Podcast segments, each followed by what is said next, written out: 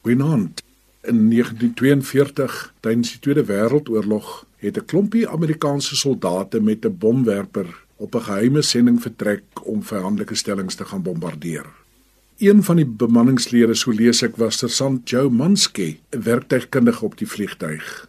Hierdie vlug het egter langer geneem as wat hulle beplan het en toe hulle terugdraai het hulle in 'n verskriklike storm beland met 'n stormsterk wind reg van voor wat verskriklik swaar op die brandstofverbruik van die vliegtyg was. Hulle het later besef soos hulle nou veg teen hierdie storm dat daar nie 'n manier was dat hulle die basis gaan haal nie en dat hulle vliegtyg gaan neerstort. Susan Joe het dadelik besef dat daar net een hoop is. Hy het in die agterdeel van die vliegtyg gaan kniel en ernstig begine bid. En toe gebeur die wonder. Terwyl hy bid, het die wind van rigting verander en in plaas van van vooraf te waai, het dit 'n sterk wind geword wat hulle sterk aandryf.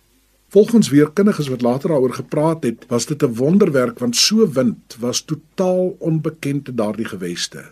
Daardie dag egter het God dit gestuur om 'n gebed te beantwoord en is al 5 bemanningslede gered. Ons moet nooit ons verwondering en afwagting vir God se grootheid en sy almag verloor nie.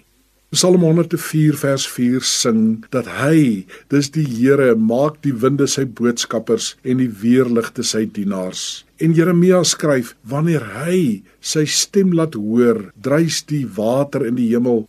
Hy laat die mis opstyg van die eindes van die aarde af. Hy laat die weerlig slaan wanneer dit reën. Hy laat die wind uit die voorraadskure uitkom. In Markus 4 vers 41 lees ons die wonderlike verhaal van Jesus wat saam met sy disippels in 'n storm op die see beland en dan hulle verwondering wanneer hy die wind laat bedaar. Wie tog kan dit wees dat selfs die wind en die see hom gehoorsaam? Ja, kom ons sê dit vanaand vir mekaar.